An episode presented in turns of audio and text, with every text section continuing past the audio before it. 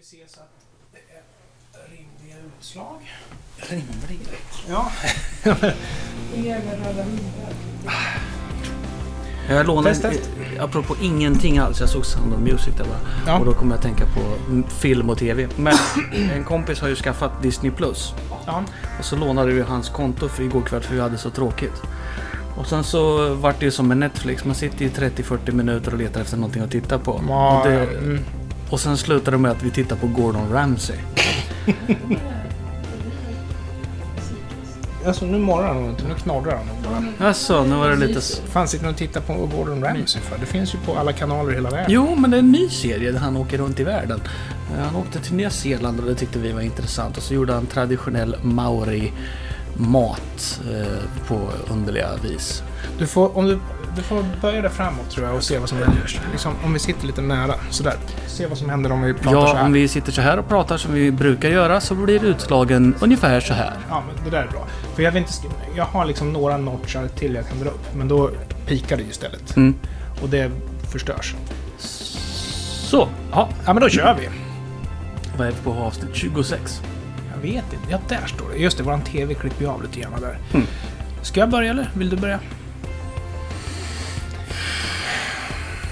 Så, jag låter det flöda genom mig. Välkomna ska ni vara till avsnitt 26 av podcasten Stulet Gods i vilken jag, Henrik Andersson och Anders Hesselbom gör eh, spaningar om stulen musik. Vi lyssnar alltså på låtar som eh, hävdas ha snott någonting från andra låtar. Och sen så avslöjar vi huruvida det faktiskt är så eller inte.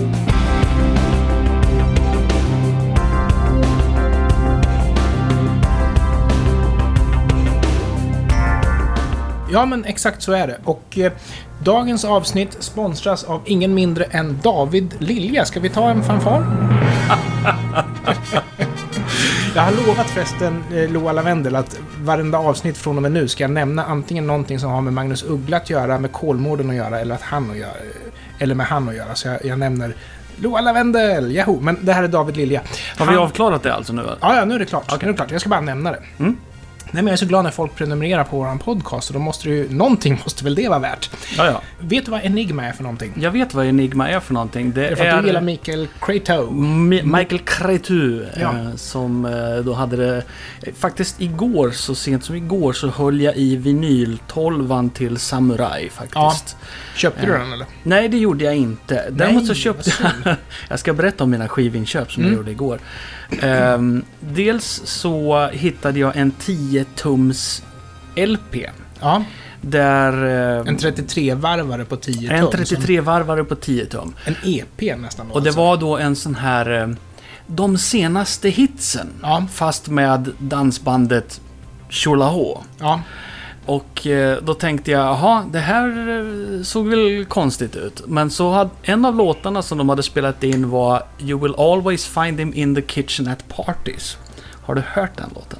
Eh, det låter väldigt bekant. Det är en underbar låt som är gjord av en artist som heter Jonah Louie. Ja, Och ehm, det gjorde att jag var tvungen att köpa den skivan för att höra hur det här bandets variant på den låten lät. Det har jag inte hunnit Mm. gjort än, men jag ska göra det. ja. Den andra skivan jag köpte, jag kommer inte ens ihåg vad artisten hette eller skivan eller någonting och jag har aldrig hört talas om det förut. Men på omslaget så fanns det en CBM PET. Vad är det? Det är en Commodore eh, Business Machine-dator. Just det, just det. Och, eh, ja, det vet ju mycket väl vad det är. Ja, det vet du mycket väl vad det är. Och då tänkte jag så här, jag bryr mig inte om vad det här är. Har de en sån här dator på omslaget, då köper jag skivan. Ja, inte helt olikt någon av Kraftwerks gamla eh, skivor har jag för mig, men det var ju bara en anonym terminal. Ja, Liksom. precis. Nej, jag tror att jag har väl en LP-mix av Samurai. Och jag tror att det var frugan som köpte någon sån här gammal box ifrån Ginza. Stairway to the Hits eller något sånt där. Aha. Och den tror jag faktiskt jag youtubade någonting när jag hade den skivan Jag rullade vill på. poängtera att den faktiskt heter Starway to the Hits. Ja, just det. Så där. Du vet, man läser ju inte genom att bokstavera, men du såg Men att det jag där sa är fel. alltså inte en samling med typ 60-talsmusik, det trodde jag. Nej, det är nog 80-tal det där. Och jag gjorde någonting på YouTube medan jag hade den där skivan rullande och du kommenterade att det var han. Här ska vi se. Nena, Aha, Ja. Seal, Kim Appleby, KLF. Och alltså samlingsskivor på LP, det har ju noll andrahandsvärde. Utan det som folk vill ha på LP är ju singlar och album. Det här är ju en tysk box. Här har Ja. vi Mattias Reim, Roland Kaiser, aldrig hört talas om. Nej, men det, det passar väl att han är med på den då, kan jag tro. Jo, sångerska i eh, Enigma. Eh, rimligtvis frugan hans. Sandra. Sandra Såklart. som sjöng eh, Maria Magdalena Ja. och In the Heat of the Night och så vidare. Underbara låtar. Ja, alltså... Dels är hon rätt schysst på att sjunga och dessutom så är ju hennes utbud av hits är ju enormt. Det här är instrumentalt. Den heter Traces och är faktiskt lite nyare för att vara Enigma, nämligen från... Nej, de höll ju på under 2000 också. Men den De från måste ha 2000, börjat i ja. bör- Han började i början av 90-talet någonstans. Ja, Säg just det. 91 eller någonting med Sadness. Hela Mm. den här Gregorian chant-genren. Mea culpa. Ja, precis. Men jag tror att han håller väl på fortfarande, antar jag. Den låter så här.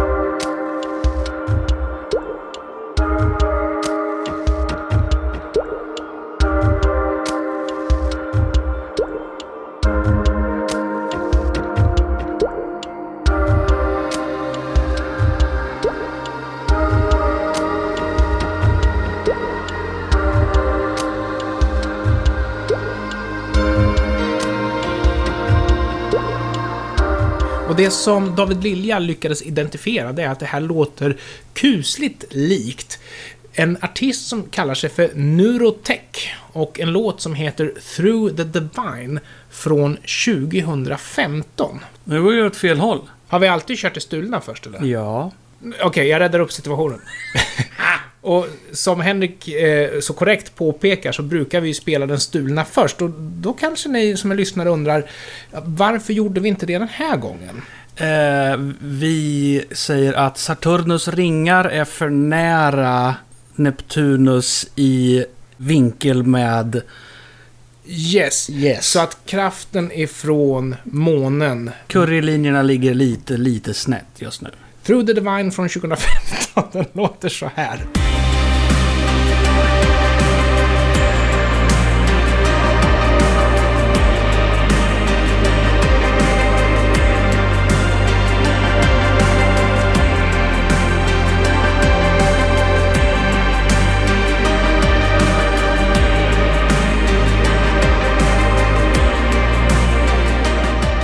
Samma låt fast med stråkar. Mera reverb.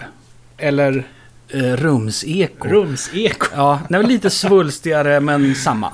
Ja, lite svulstigare men samma. Så bra identifierat David, Guilty.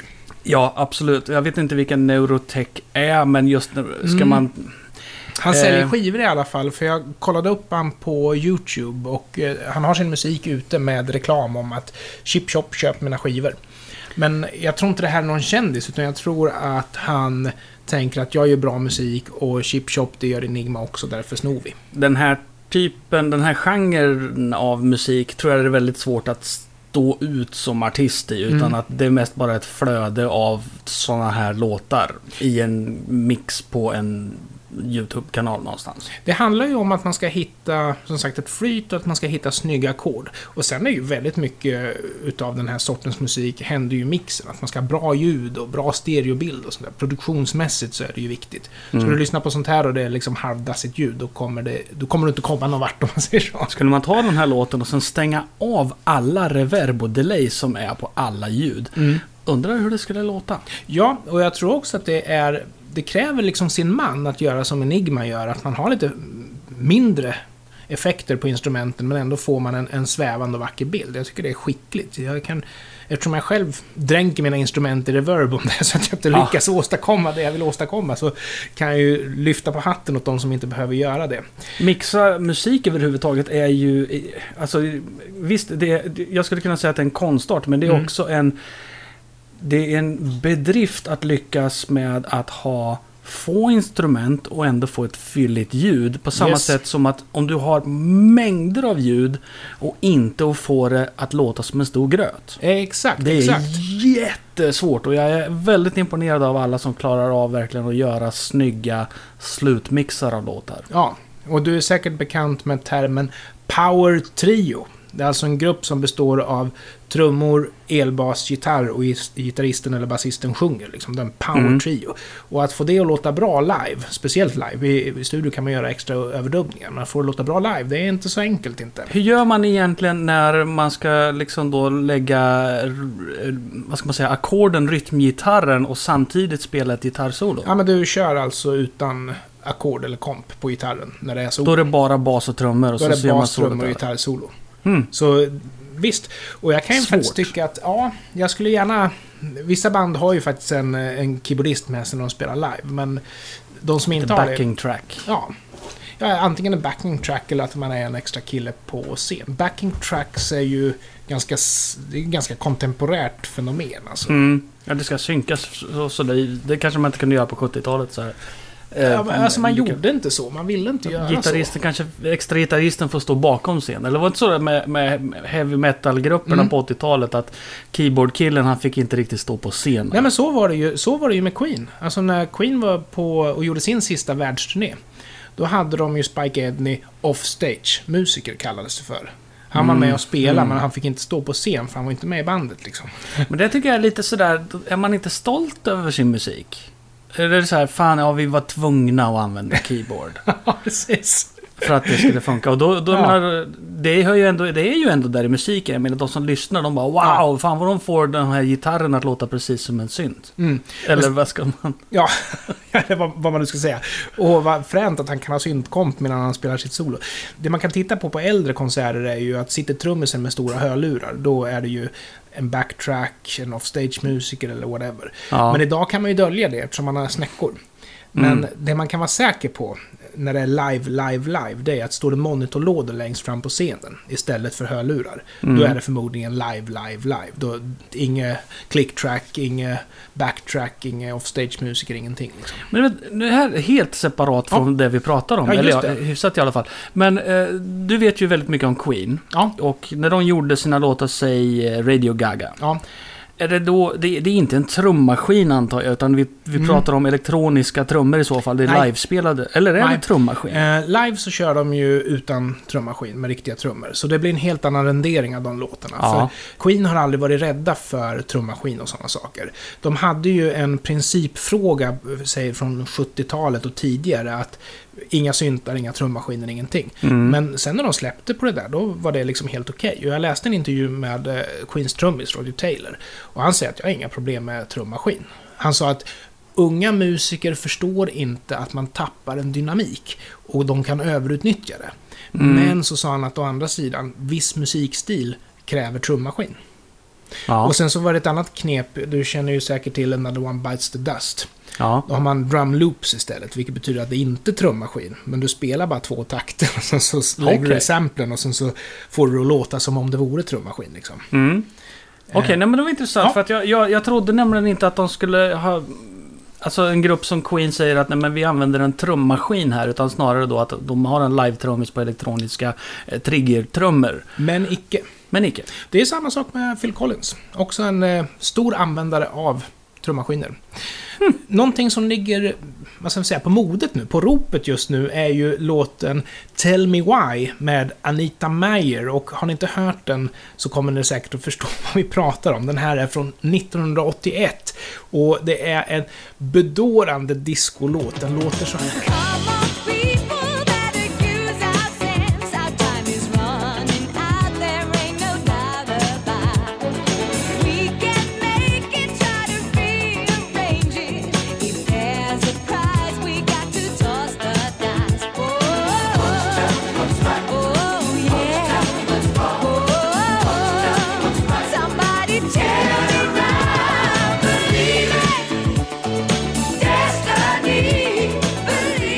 Och det där har ni ju säkert hört. Det är ju naturligtvis Säg mig var du står med Carola och det var Ingela Pling Forsman som skrev den svenska texten. Kommer du ihåg vilket år? Det här är ju tidigt, för det här är ju en av Carolas första liksom. Korrekt. Det här är från hennes första album. Ja, och jag kan inte säga om det här var den som kom direkt efter Främling, för jag tror att det var någon mer klatschig popdänga emellan. Alltså, Men- Ordningen de släppte singlarna jag en koll på. Men Nej, mycket men så riktigt, det är ju 83. Ja, Ja. Den här är ju hämtad från albumet Främling. Och Mm. samma album som du även hittar Åh Micke Micke, hej Micke, du är helt Ja, grym. precis. Det var nog den jag tänker på. Att den, den är Ja. ju mer klatschig, mera eh, poppig, mera Och även det är ju, alltså det skulle vi kunna, svensktoppsvänlig. vi skulle kunna ta upp det i podden, för det är också en sån här låt. Du nämnde Herreys i, i förra avsnittet tror jag det var. Mm. Och även Carola, att man antingen så har man specialskrivna låtar, så som Främling var, eller som den här då, Säg mig var du står, där man väljer ut internationella låtar och gör en svensk version av det. Och sen har man sumpat marknaden för originalet ofta då. Ja. Åtminstone förr. Men, men det var Jag har ju personligen så. aldrig hört Anita Meyers Tell Me Nej. Why. Och att det här var en cover var ju nyheter för mig och det förmodligen för de allra flesta dessutom. Ja. Men Säg mig var det står är ju en, alltså den är så djupt integrerad med Carola för oss Ja. svenskar. Och vi lyssnar på Carola som eh, sjöng Säg mig var du står 1983.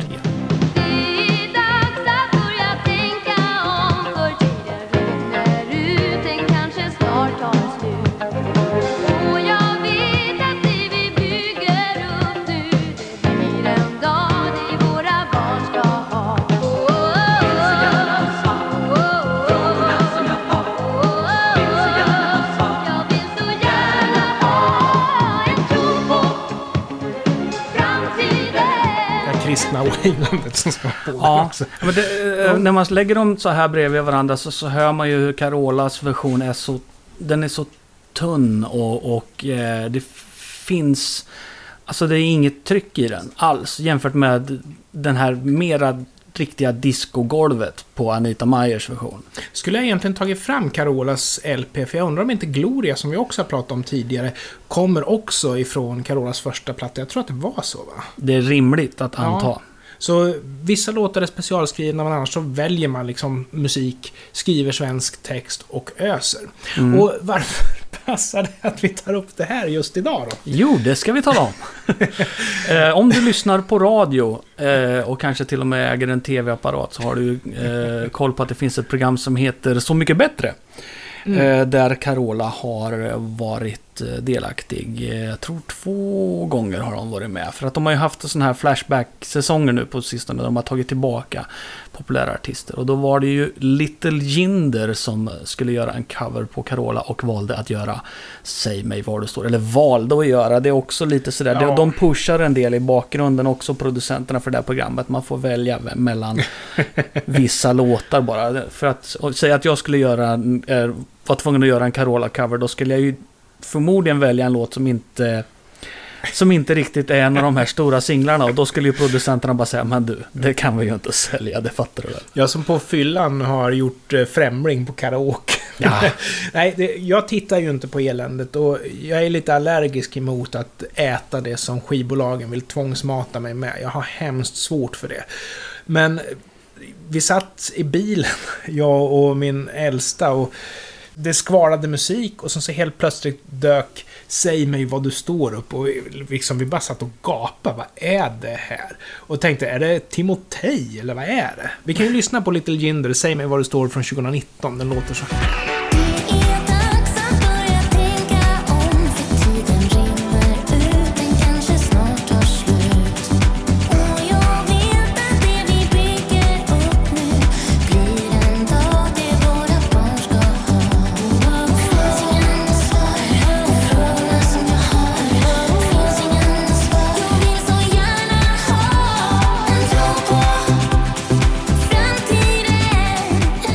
Så det här sättet att sjunga, liksom det här nasala sättet att sjunga på. Alltså, hej, det är vi som är Timotej. Ja, men det, är så, alltså, det, det är så skumt, för hela Ja. arrangemanget är så skumt. Därför att du har de här 90-tals, tidigt 90-tals house-pianon, då, det tidiga 90-tals house-trumkompet. Ja. Produktionen är ju liksom 25, nästan 30 år gammal. Och jag fattar inte vad tanken är. Men 2019, och den här blev ju då en hit. Ja! Vilket tar oss faktiskt till det nya som har hänt. Berätta du, Henrik. För du hade Eh, ingen koll på Nej, det jag här. hade ingen koll på det här utan... Jag blev lite förbannad när Henrik Jag kom såg- hit och började prata om Little Jinder och grejer. Han har ingen koll. Jag, jag såg på TV då eh, att eh, Carola och en ung tjej sjöng Säg mig var du står. Och då tänkte jag så här, ja men det är väl då för att Little Jinder fick en hit. Och då så har hon och Carola gått ihop sig för att då sjunger vi den här tillsammans, gud vad kul. Men det visar sig att det är Carola och Sara Larsson Ja, en ung som tjej. har spelat in Säg mig var du står. Bara, ja det är som ett halvår år efter att Little Jinder fick in den på listorna. Varför? Ja, men det, är väl klart för att, för att exploatera på hitten. Så, alltså Little Jinder har ju satt fart på försäljningen av den här låten. Men vadå en ung tjej? Sara Var- Larsson är väl en ung tjej? Ja, det är klart hon är, men varför Sara Larsson och inte Little Jinder? Varför drogs Sara Larsson in i det här? Ja, ja, men det kan ju också vara så att Sara Larsson har ju haft lite badwill i och med att hon har varit sponsrad av en kommunistisk diktatur. Ja, som hon nu slutligen har sagt ifrån sig, men, men ändå inte riktigt verkar förstå varför. Nej, och dessutom så sträcktes ju det här samarbetet i typ drygt ett år.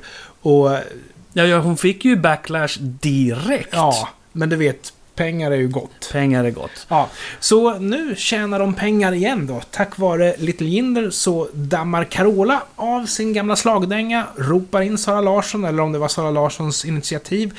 Och jag får ju säga det, Sara Larsson är ju jätteduktig på att sjunga, men, speciellt nu om man jämför med Little Jinder. Men vad spelar det för roll? Ja, alltså, måste ju Sara fan- Larsson är ju en produkt hon är ju en produkt. Man måste ju vara beredd att skita ner sig om man ska komma någonstans inom musiken. Duktighetsministeriet är omodernt. Äh, vi tar några takter. Det är dags att börja tänka om för tiden rinner ut, den kanske snart tar slut. Och jag vet att det vi bygger upp nu, det blir en dag det våra barn ska ha. Oh, oh, oh, oh,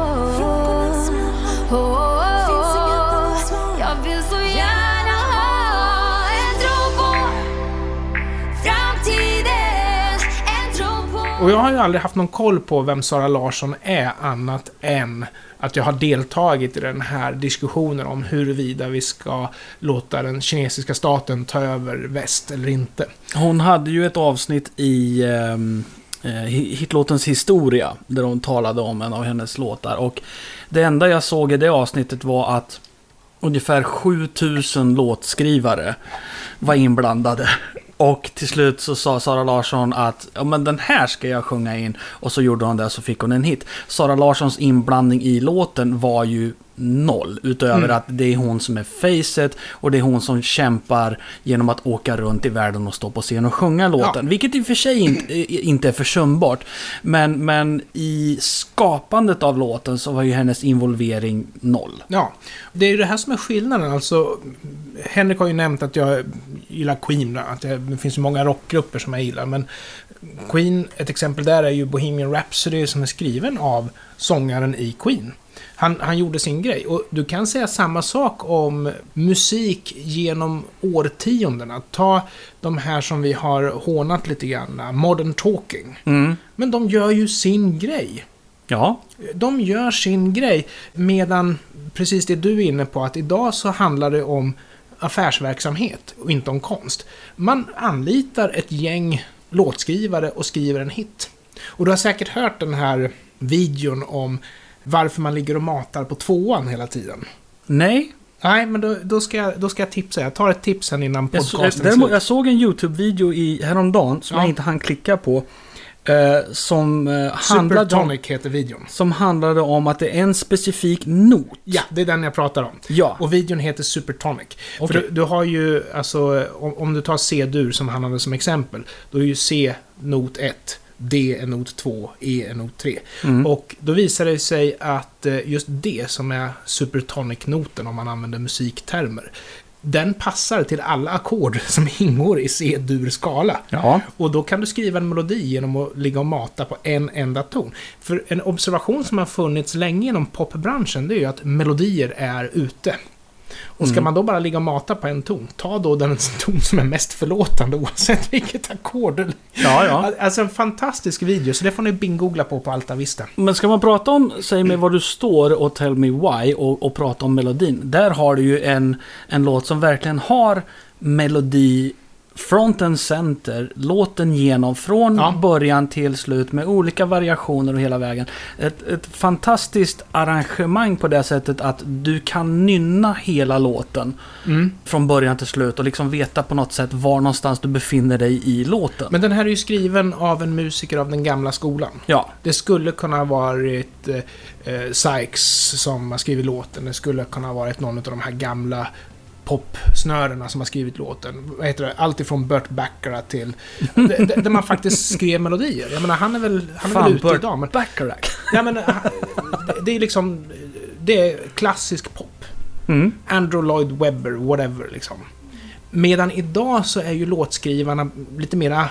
De har lite mera örat mot rälsen, det är lite mera skivbolagsdirektören som liksom har åsikter om vad de vill ha ut för slags musik och hur mycket de vill sälja och sånt där. Mm. Och matcha budgeten därefter.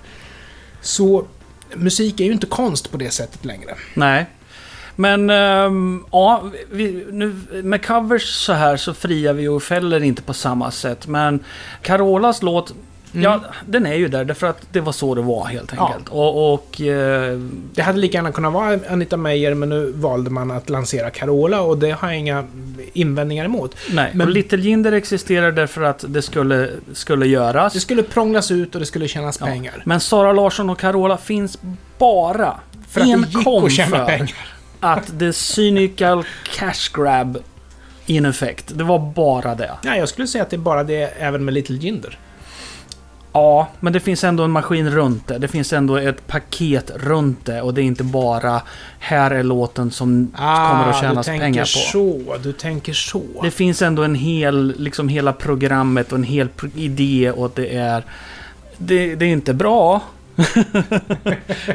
men det, den har mer av ett existensberättigande. Mina damer och herrar. Henrik har haft en utmaning som i korthet gick ut på att... I korthet så gick den ut på att jag ville ha tag på en artist eller en grupp som har blivit kända med en cover på en tidigare stor pophit. Eller inte pophit, men en stor känd hit. Och som sedan gått vidare och fortsatt ha hits. Det har ju varit ganska svårt för mig att hitta, men jag har fått flera bra förslag. Jag skulle säga att det första rätta svaret på den här utmaningen, och som sagt det kommer fler och det är vi bara glada för. Men det första rätta svaret det kommer ifrån Ronny Hellström. Och han påpekar att rockgruppen Slade, som vi alla tycker är jättebra som har fått massor med hits med egna låtar. För att inte tala om ett mycket säreget utseende som är underbart. Mycket säregen röst också på Mm. Noddy Holder. Men framförallt är det ju han gitarristen med sin lustiga hatt och sin... Alltså, ja, jag, ska inte gå in på det i alla fall. Men Slades första stora hit blev en cover på Bobby Marchen, Get Down With It från 1965. Deras låt, deras version heter Get Down and Get With It från 1971. Och sen dess har de skrivit sina egna låtar och fått hits. Mm. Det, det stämmer ju. Och, eh, eh, Slades version kanske inte blev en... Eh, det var ju inte en listetta. Nej, Men det var definitivt den låten som gjorde att folk la märke till att okej, Slade finns. Ja, och det räckte för att de skulle få fortsätta att härja på sitt skivbolag. Ja. Och eh, Och direkt efter det här, det var ju då de verkligen slog igenom med, med listettorna. ja, och gillar ni Slade, då kan jag faktiskt tipsa om en podcast, eh, Stulet Gods. De diskuterar stulen musik och sånt där. Och de kommer att prata om Slade, eftersom Quiet Riots skivbolag av någon anledning gillar Slade och har tvingat Quiet Riot att göra massa Slade-cover. Är det här insider-info? Det här är lite insider-info. Eh, Bobby Marchen, Get Down With It, 1965, låter så här. Get down with it.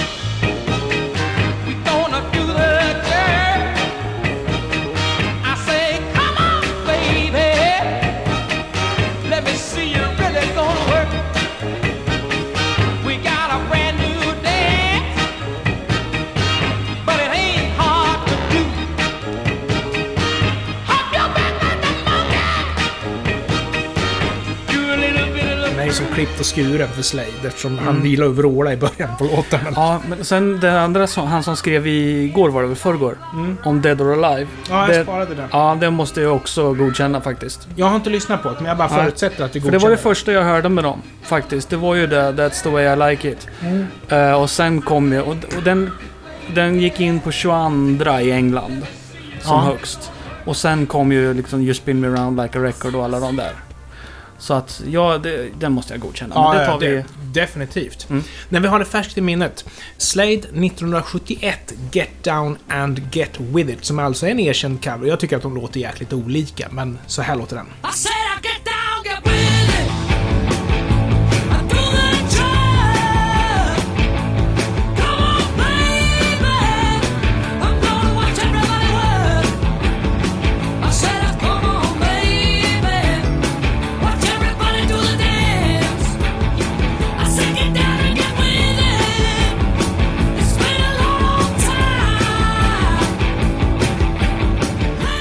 Nej, men man är ju van att han är, vad ska jag säga, han är... Han sjunger ju med väldigt mycket growling. Ja. Fast här låg han ju väldigt högt. Ja, nej, och, de, har ju, de har ju gjort låten till sin egen. Ja, Och det är ju underbart att höra. Det där är ju... de har ändrat mycket, speeda upp och sådär. Men... Mm, ja, men det är det bästa jag vet med covers. När du tar en låt och så bara stöper du den i din egen form. Och det, det här är det bästa med covers när Mm. du kan verkligen höra så här tydligt Ja. skillnaden mellan de olika versionerna. För att det för mig ger ju ett för det första är det som vi brukar säga existensberättigandet Ja. av ett cover. Och sen är det ju det där att det är ju så mycket roligare. Slade är ju, de har ju skitkul här. Mm. Och jag vill slå ett slag för Nuddy Holder. Det, man tänker inte riktigt på det här, men alltså lyssnar man på Far Far Away, också en 70-tals slagdänga, eller Mm. My Oh My som en 80-tals slagdänga. Han har ju en fantastisk röst. Han ser ju ut som en trafikolycka. Liksom. Ja men hela soundet, hela, hela Ja. soundet i låtarna och framförallt som jag sa nu, alltså Slade, de har ju kul. Ja. Även i en låt som My Oh My, Oh My så är det tydligt att Ja, eh, engagemanget. Ja. Ja, Ja, precis. Synd att de har splittrats, men jag tror att gitarristen turnerar väl fortfarande under namnet Slade, men hela Slade någon måste ju göra det. Någon måste ju göra det. Men jag menar, när The Holder skrev ju låtarna och sjöng och dessutom så är det han som bidrog till soundet. Så vi kommer nog att presentera fler, vad ska man säga, rätta svar på den här utmaningen. Absolut, och det här var det första rätta svaret. Och Ja. eh, det kom alltså in från Ronny Hellström. Du har vunnit... Eh, Rätten att få prenumerera på oss på iTunes. ah, så var det. Nej, men vi är jätteglada. Stort tack. Vi, vi har, Utmärkt. Vi har, fått, eh, vi har fått in fler eh, förslag som vi kommer att presentera framöver. Men ni får hemskt gärna fortsätta skicka in flera förslag för att det här är ju jättekul att nysta i. och skickar ni någonting och inte hörde avsnittet efter så det kommer. Vi har, vi har lite lång postgång i det här. Ja, så, vi, har en, eh, vi har en lista att beta av. We have enkelt. a list. In Sweden we have a system.